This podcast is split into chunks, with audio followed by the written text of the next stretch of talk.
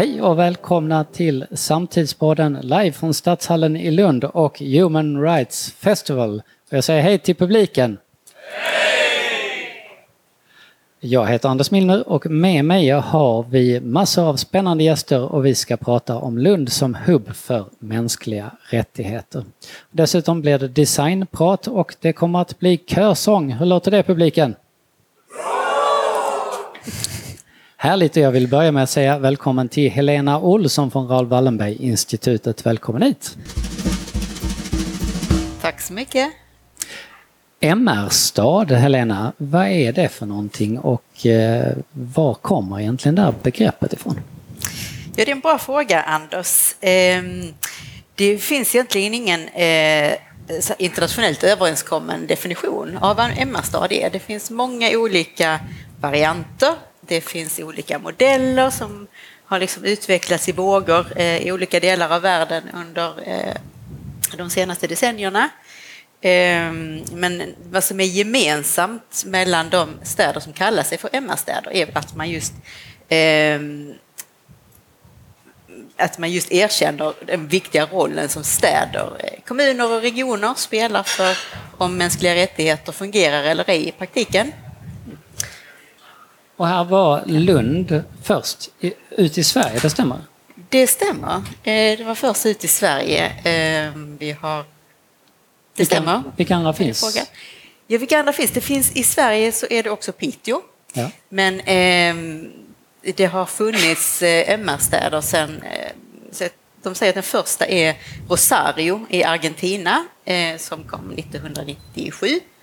Och sen dess har det varit, det, har, eh, det finns MR-städer i Afrika, i, i Asien, i eh, Amerika, Kanada, även Syd och Nordamerika och Kanada. Och, Ingår man då i något slags nätverk när man är MR-stad? Ja, lösa nätverk kan man säga. Det finns eh, Bland annat så finns det en eh, årlig konferens som en sån här MR-stad eh, organiserar sedan 2011 och det är staden Guangzhou i södra Sydkorea. Eh, så de har sen, eh, de har själva startade sin MR, alltså det, varje MR-stad har lite grann sin egen historia ofta och ibland är det civilsamhället som har startat det, ibland är det eh, borgmästare eller kommuner och så. Och, eh, det började med en demokratirörelse som sen har utvecklats till det här och de senaste 12 åren har de då organiserat varje år en världskonferens för mänskliga rättigheter och städer. Och där eh, deltar då eh, både städer som kallar sig MR-städer och städer som bara är intresserade av sånt här och andra blandat folk som Raoul Wallenberg-institutet. Och hur går det då till när man blir en MR-stad? Eh, oftast så är det någon form av deklaration, alltså eh, antingen, det kan vara, om jag tar exemplet från Rosario, eh, det här första, så var det eh, verkligen en, en eh, gräsrot som drivet av civilsamhälle och universitet och så här, så att de, de eh, tog fram en, en deklaration tillsammans. Eh, på andra i andra städer så kommer det kanske direkt från borgmästaren eller så, men ofta så är det någon form av eh, ett offentligt uttalande alltså som säger att vi i den här staden, vi ska basera vår politik på mänskliga rättigheter. Eh, och ibland finns det liksom någon form av eh, lagstiftning i olika format kring det, någon definition. Som sagt så är det ju olika definitioner i olika MR-städer. Ibland vissa kör hela spektrat, andra kanske fokuserar på vissa rättigheter och så. Men kan det då innebära lite, det kan innebära lite vad som helst inom ett spektra att man är MR-stad, eller om man ser på ett globalt perspektiv? Ja, inte, inte vad som helst kanske, men eftersom det inte finns ännu i alla fall något, alltså något, något eh, forum som granskar, som, som akkrediterar och säger ni är en MR-stad, ni är detta. Så Ja, jag menar, städer kan göra vad de vill, det är ingen som kommer att stoppa dem. Nej. Men, men alltså, det är ju ändå den, den rörelsen som finns, och det finns ändå ganska mycket samarbete mellan de här städerna. Det är ju baserat på internationella mänskliga rättigheter-systemet. Så snarare tror jag vad, vad vi har sett att det är mer kanske att man, vissa kan fokusera lite mer på eh, ja, vissa gruppers rättigheter eller så, men det är inte att man inte sällan man går ifrån det. Det finns lite ideologiska sådana här som rätten till staden eh, som, som vissa blandar in också MR-konceptet, att man, som är lite mer, ja, lite mer ideologiskt drivet helt enkelt. Men eh, ja, men man kan ju undra sig varför är då inte all, för då, då, då kan man kan göra lite vad som helst och man kan kalla varför är inte alla städer MR-städer? Nej, alltså på ett sätt om man ser det som, om man ska se det liksom internationell rätt som konventionerna är uppsatta och också regionala systemet så, så är det ju, det är ju en nivå av systemet för implementering av mänskliga rättigheter. Så egentligen menar kommuner och regioner har ju ansvar för implementeringen av mänskliga mm. rättigheter. Vi har det internationella systemet eh, som konventioner och mekanismer för att, för att liksom mm. Se till så att det följs. Det finns regionala konventioner och eh, domstolar och konventioner som ser till att det finns på nationell nivå. Så mm. finns det ju MR-kommissioner och så som ser till att det följs på nationell nivå. Men på lokal nivå så finns det inte riktigt ett sådant system. Väldigt viktig roll, men det mm. finns inte något väldigt tydligt uttalat eh, ibland, även om kommunerna gör oerhört mycket som är, och jag menar, funkar det inte på lokal nivå där liksom, jag menar vi bor alla lokalt, om man inte själv, om man inte kan eh, tillgå hälsovård eller eh, utbildning, inte får ett rättvist eh, behandling i rättssystemet eller vad det är, då får man inte det. Jag menar, det får man eller får inte där man bor. Får man inte det så funkar inte mänskliga rättigheter. Så det är ju jätteviktigt att eh, städer eller kommuner är med. Så det alla borde följa Lunds Alla exempel. borde följa Lunds exempel och vi ska hoppa vidare just till Lunds exempel för att vi har med oss Ulrika Dagård som är samhällsstrateg i Lunds kommun. Välkommen hit! Tack så jättemycket! Samhällsstrateg i Lunds kommun, berätta vad är din roll i, i det här sammanhanget som vi pratar om nu? Eh, nej, jag jobbar eh, alltså samhällsstrateg och så ibland så lägger vi till det social hållbarhet och mänskliga rättigheter. Då. Och jag jobbar på kommunkontoret på Lunds kommun på en enhet som heter hållbarhetsenheten och vi jobbar då med social hållbarhet, ekologisk hållbarhet och mänskliga rättigheter som en del i det. Mm. Och, och vad gör vi då i Lund vad gäller mänskliga rättigheter? Alltså det är ju som Helena har berättat att eh, Eh, kommuner är ju relativt självstyrande i, i, i Sverige men vi är ju naturligtvis styrda av lagstiftning. Och eh, svensk lagstiftning bygger i stor utsträckning på mänskliga rättigheter. Det är inkorporerat till exempel i skollagen, i eh, socialtjänstlagen. Så jag kan säga att vi jobbar ju med mänskliga rättigheter det, det liksom ingår i det kommunala uppdraget att jobba med mänskliga rättigheter. Eh, sen så kan man ju göra det mer, eh, mer eller mindre bra. Eh, så. Men att, att Lund är, är en MR-stad. Ehm, Lund har ju varit en MR-stad, den första i Sverige, precis som Helena sa, eh, sedan augusti 2018. Eh, och då tog ju Lunds kommunfullmäktige ett beslut att mänskliga rättigheter ska vara en del av den politiska styrningen och, och eh, vara en del av de politiska beslut som eh, som, som tas helt enkelt. Kan man se, se det som ett före och efter? Kan, alltså kan man se en skillnad där i, i före och efter mm, det beslutet togs? Det kan man ju göra, på, också precis som Helena sa, det finns så, på, eh, man kan bli en MR-stad på så många olika sätt och man kan se till att ha alla, för jag brukar säga så att vara en MR-stad bygger på egentligen tre ben. Det är att man har den här deklarationen, att, att man bestämmer nu är vi en MR-stad. Eh, sen så Eh, det, det, andra kriteriet är att man bygger upp ett, ett, system och en struktur för att kunna arbeta med eh, frågan. För ofta är ju städer eller kommuner, det är, de är stora organisationer. I Lund har vi ju 11 000 anställda i, eh, i kommunen så det behövs ju någon slags eh, struktur och styrsystem.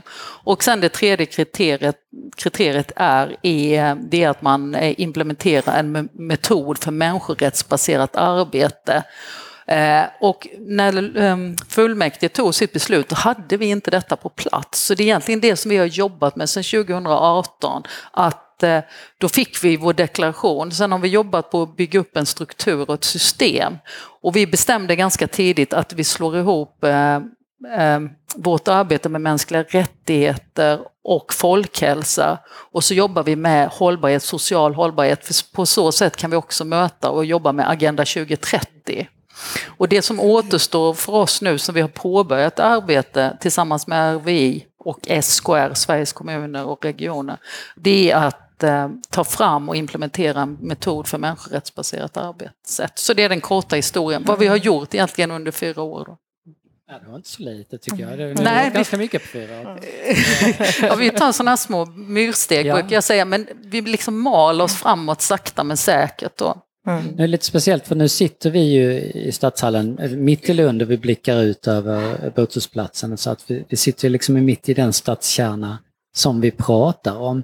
Vilka, om vi då tittar ut där på staden, vilka, vilka är utmaningarna för oss i Lund framöver ur det här perspektivet? Uh, ja, dels är det ju som jag sa, svensk, svensk lagstiftning bygger egentligen på mänskliga rättigheter i stora delar. Men vi vet ju uh, i Lund som på alla andra platser i Sverige och i världen så, så finns det rättighetsbärare, människor som inte får sina rättigheter eh, tillgodosedda. Eh, och i Lund, eh, om vi nu ska prata om, om speciella, speciella grupper, så, så är, är det folk som vi vet att vissa barn har svårt att klara sin skolgång. Vi vet, vi vet också att att nyanlända, det krävs extra resurser, det krävs ett eh, extra arbete. Och nu, nu hade vi ju kriget i Ukraina också, vi har, det har ändå flyttat Eh, in ett eh, antal hundra ukrainare i Lund också. Så, så vi har ganska bra koll på vilka grupper vi behöver sätta in extra resurser och jobba mer för att de här grupperna ska kunna få sina rättigheter tillgodosedda. Och sen jobbar vi också speciellt med barnkonventionen, har vi gjort länge, länge i Lund. Vi håller på att ta fram en handlingsplan för nationella minoriteter i, Lund eh, nu också. Vi skulle behöva jobba också mer med hbtq-frågor, vilket vi gör. Men, så, så det finns eh, det finns mycket att göra för att alla människor ska få sina rättigheter tillgodosedda, även, eh, även i en relativt välmående stad som faktiskt Lund är. Tack så mycket. Vi har också med oss Charlotte Palmstierna. Välkommen hit. Tack. Och du är tillförordnad vikarierande direktör för Institutet för mänskliga rättigheter. Mm. Och i januari kommer den ordinarie direktören som då blir Fredrik Malmberg. Förlåt, berätta, vad är Institutet för mänskliga rättigheter för någonting? Ja, vad är det för någonting? Eh, Institutet för mänskliga rättigheter, det är ett eh, nationellt eh, för hela Sverige. Institut för mänskliga rättigheter. Och det är en, en statlig myndighet, ska jag säga. Ehm, och eh, vi är nyinrättade sen 1 januari så att vi är under uppbyggnad, verkligen.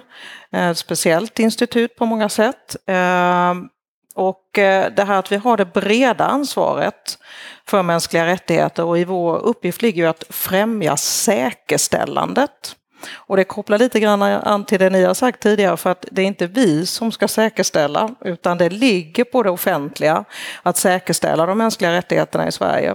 Riksdag, regering men sen också region, kommun, eh, hela vägen ner. Eh, och eh, vi ska jobba över hela Sverige och vi ska främja det här säkerställandet på olika sätt förstås då. Men som våra yttersta ansvar ligger i det offentliga. Och det är vi som ska ha ögonen på vad som sker också. Mm. Och ni eh, har bas i norra delen av Lund. Hur många är ni där? Vi är nu 20 stycken. Eh, innan sommaren var vi 10 så vi fördubblades efter eh, sommaren. Så vi, vi växer snabbt men vi är inte jättemånga ännu. Men vi hoppas på att kunna bli lite fler under året som kommer också. Och, och vad är det då ni, ni gör här framöver konkret? Vi har förstått mm. liksom uppdraget. Vad, vad är det ni gör konkret? Ja, vi ska ju, det är så också att vi, eh, vi reglerar det enligt lag. Det är ju viktigt eh, att säga. Eh, och enligt eh, lagen då så ska vi följa, undersöka och rapportera om de mänskliga rättigheterna. Och vi ska ju då lämna råd till, till riksdag, regering eh, om eh, vad man behöver vidta för åtgärder för att lagstiftningen ska vara i överensstämmelse, till exempel med mänskliga rättigheter. Eh, men också andra åtgärder som kan behövas för att faktiskt eh, kunna säkerställa de mänskliga rättigheterna. Och det är klart, vad ska vi göra? Vi ska ju ut och, och följa det här och det är ett jättebrett mandat. För många gånger tänker man att mänskliga rättigheter handlar om yttrandefrihet, eh, rösta i val, alltså de här Eh, mötesfrihet och som är medborgerliga och politiska rättigheter. Men det handlar ju också om de ekonomiska, sociala och kulturella, precis som jag nämnde här, det är kanske där många gånger utmaningarna ligger också i att se till att alla grupper får de, de, sina rättigheter. Så att där, vi har ett brett mandat som vi ska försöka följa och titta på. Jag tänker mm. man, ni kan ju inte bara vara 20 som ska göra detta. Nej, och, och det är klart att vi måste också arbeta i samverkan med andra. Och där är ju kommuner eh, en viktig samverkanspart förstås, men, men också andra myndigheter som har uppdrag inom, det, inom mänskliga rättigheter att säkerställa det. Så att vi måste ju, vi är ju också en brygga emellan kan man säga. Mm. Och, och, ni har också en särställning för, för att ni är, ni är en myndighet men ni är också helt oberoende Exakt. gentemot staten. Mm. Och det här är ju någonting som är ovanligt. Mm. Vi behöver kanske inte stanna här en timme i det, men ja. du, kan väl, du kan väl säga någonting om denna konstruktion och, och varför det är så? Varför det är så? Eh, det är en väldigt viktig roll att vara oberoende, för det handlar ju om att eh, staten på de olika nivåerna ska säkerställa och vi har ett oberoende att faktiskt se att så sker. Och man kan säga att vi är en brygga mellan det internationella, vi har de här konventionerna som Helena eh, inledde med, på den internationella nivån och sen ska de komma ner i praktiken i Sverige.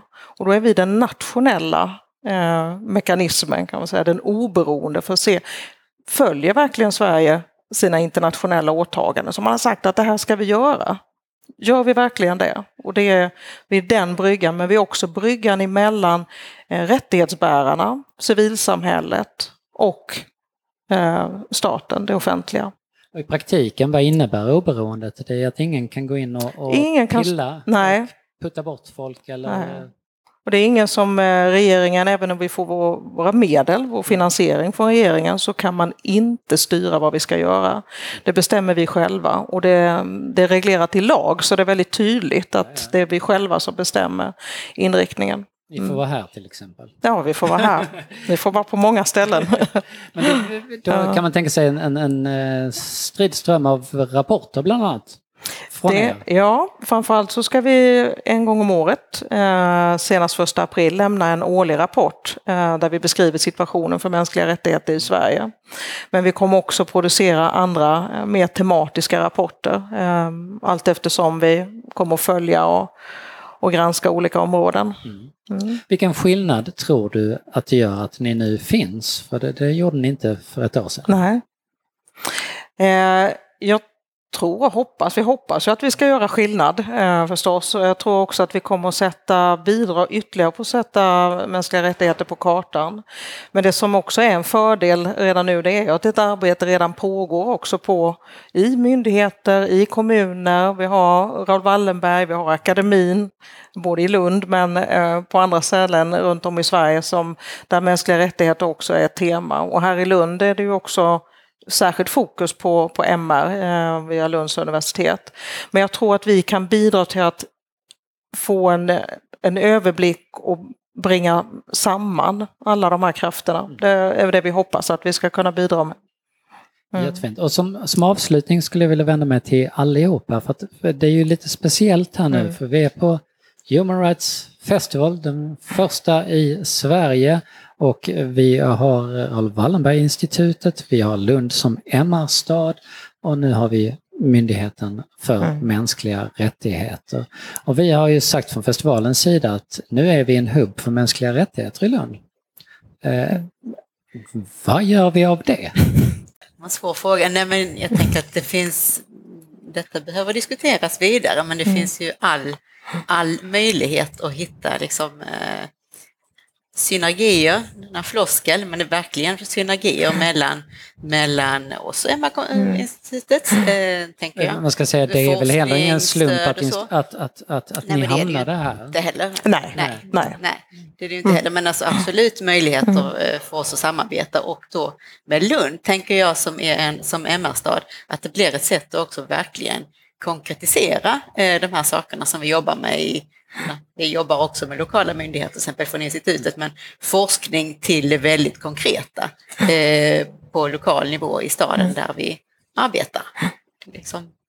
Håller du med om det Ulrika? Ja, men det håller jag med om. Vi samarbetar eh, väldigt mycket redan. Så vi, vi samarbetar med universitetet, vi samarbetar mm. med Raoul Wallenberg-institutet som är en del av universitetet. Då.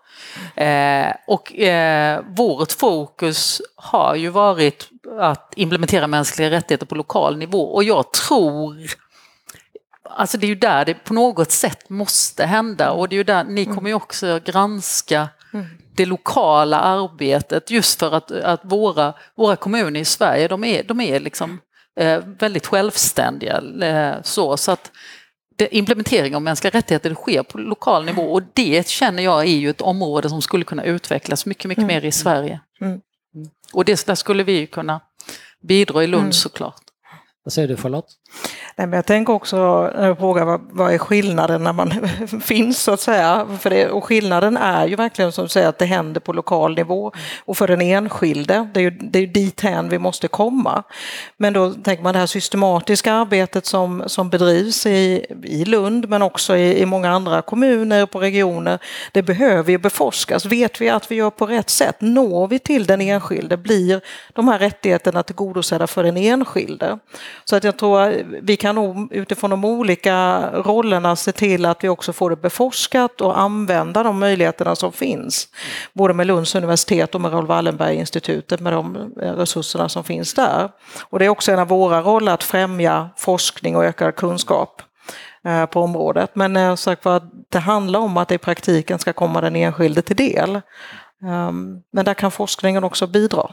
Mm. Och jag tror också vi kan bli en hubb som, som kanske kan eh, sprida sig där fler kommer från, från andra delar av landet också. Vi har många universitet som jobbar med mänskliga rättigheter runt om i, i landet. Det är en spännande tid mm. vi har framför oss med väldigt stora möjligheter känns mm. det som. Jag vill tacka er alla tre för att ni var med här och en stor applåd till medverkande. Tack, tack, tack. Eh, här i handen så håller jag ett presentpapper. Det är inte vilket presentpapper som helst utan det här är ett presentpapper med mänskliga rättigheter som tema. Bakom pappret står designbyrån Kolossal och här bredvid mig, här står grundaren Martin Sandström. Välkommen Martin! Tack så mycket!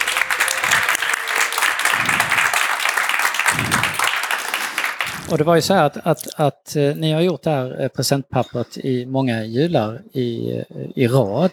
Och sen hade du och jag en diskussion där du sa att vi vill gärna ha ett sammanhang och ett, ett tema gärna. Mm.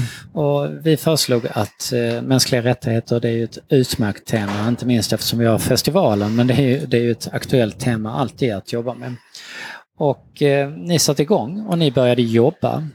Och den här processen ska du berätta lite grann om. För vad händer egentligen när man sätter mänskliga rättigheter i händerna och i huvudena på massor av begåvade grafiska formgivare?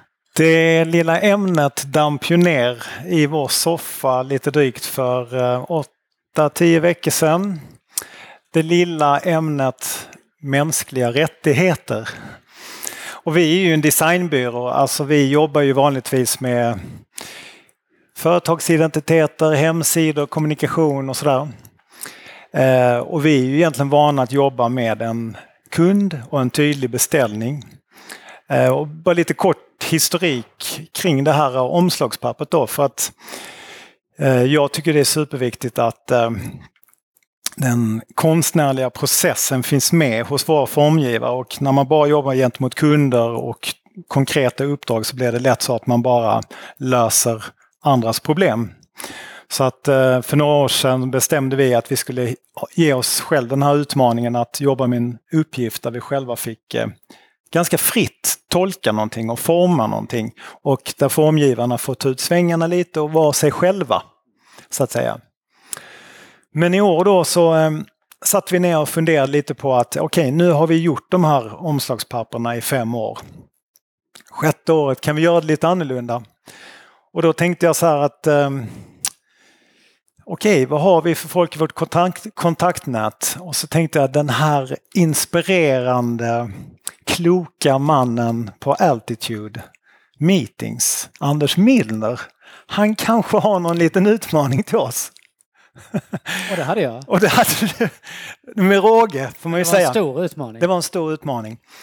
Så eh, mänskliga rättigheter, alltså det är ju eh, fantastiskt att man anordnar en festival här. Det är synd att det inte är mer folk här idag, men det har varit mycket folk här tidigare. Och eh, det är ju ett ämne och en fråga som, är, som angår oss alla och som är superviktig. Så att vi blev ju jätteglada och peppade för den här uppgiften, minst sagt. Men det blir också ganska ångestframkallande för de här eh, sex formgivarna då som är att tolka det här. För det är ju inget litet ämne, det är ett enormt ämne. Hur, hur angriper man det så att säga? Men hur gör man när man får ett ämne som mänskliga rättigheter? Man måste ju på något sätt ha en formmässig brief eh, som, som gör att eh, formgivaren kan liksom komma vidare på något sätt. Och det, det glömde jag säga att processen ser ut som så att vi har liksom en, en hemlig, eller en, en, en metod för hur vi jobbar med de här papperna. Det är att vi får, inte, vi får inte ta in någon feedback. När man har fått briefen så ska man jobba med det själv. Man får inte ta in feedback från någon annan. När vi lanserar papperna sen så eh, har ingen annan sett dem tidigare. Så att jag såg ju de här papperna för Och- första och varför, gången. Förlåt, men varför gör ni så?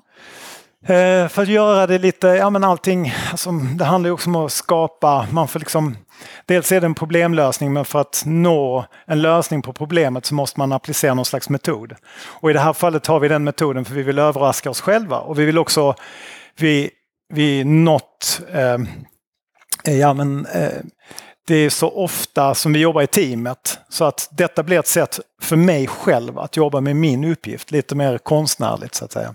Jag tycker själv att det är väldigt kul. För mig är det också, jag fick det presenterat för mig häromdagen, eh, vad, vad de hade tänkt eh, och så. Och jag blir ju ändå själv, trots att jag sitter tillsammans med dem och jobbar med dem eh, varje dag, så blir jag rörd och imponerad över eh, hur många olika lösningar man kan få utifrån eh, när man ändå använder sig av väldigt begränsade tryckmetoder och det här ämnet då, att det blir så många olika tolkningar av det. Jag ska säga också att de här presentpapperna, eh, om man eh, köper dem så går pengarna till IM. Martin, stort tack för att du var med. Tack!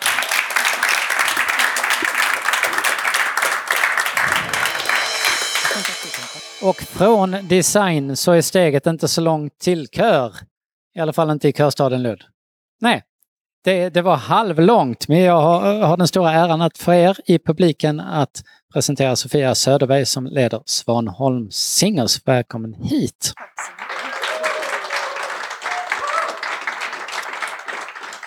Berätta kort, eh, eh vad är Svanholm Singers? Svanholm Singers är en kör eh, med eh, i- en manskör, en eh, kammarmanskör brukar vi ibland säga. Eh, man kan också säga att det, är en kör med tenorer och basar.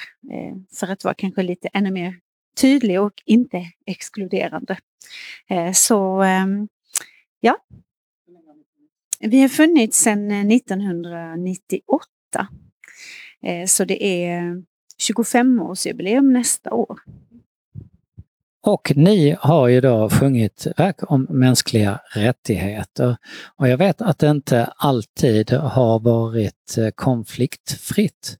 Kan du säga någonting om det och kanske berätta om något tillfälle där det faktiskt har krockat lite grann? Eh, jag kan säga som så att Eh, vi eh, strävar efter att hela tiden eh, göra program som lyfter frågor som är aktuella liksom runt omkring oss och som är relevanta. Och vi strävar väl också efter att eh, på något sätt fördjupa eh, frågor och frågeställningar och också att förnya dem genom vårt musikaliska uttryck.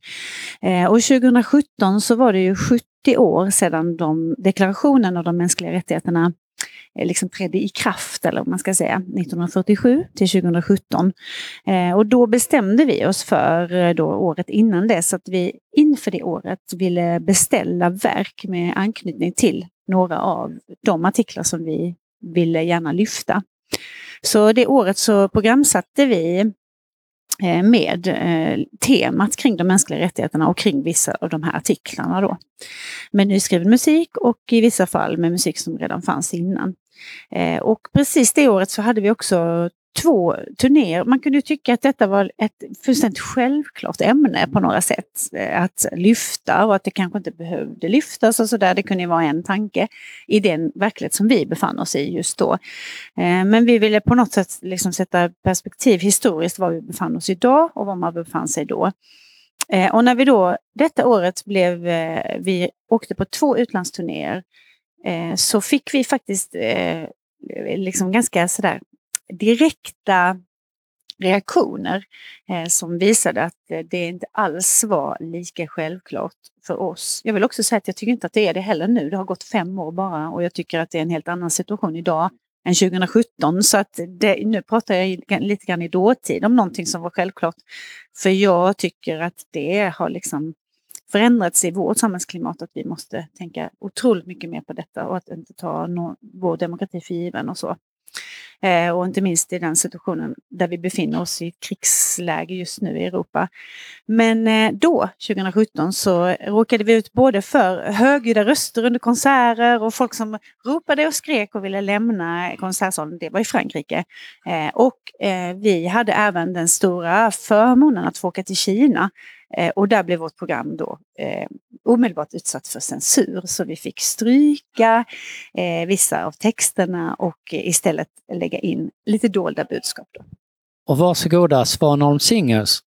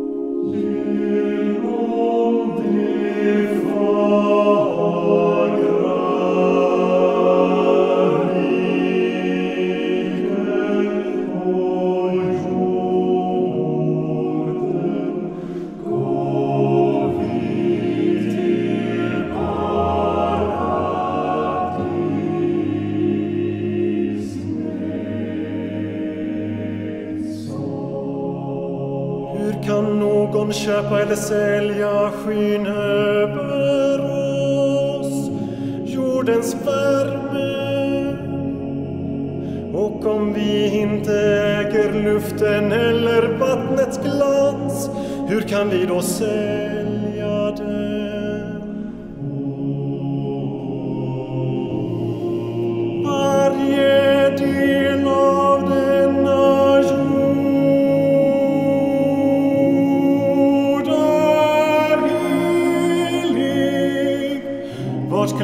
havet talbar, varje sandkorn på stranden, dimman i den mörka skogen, varje plats, varje surrande.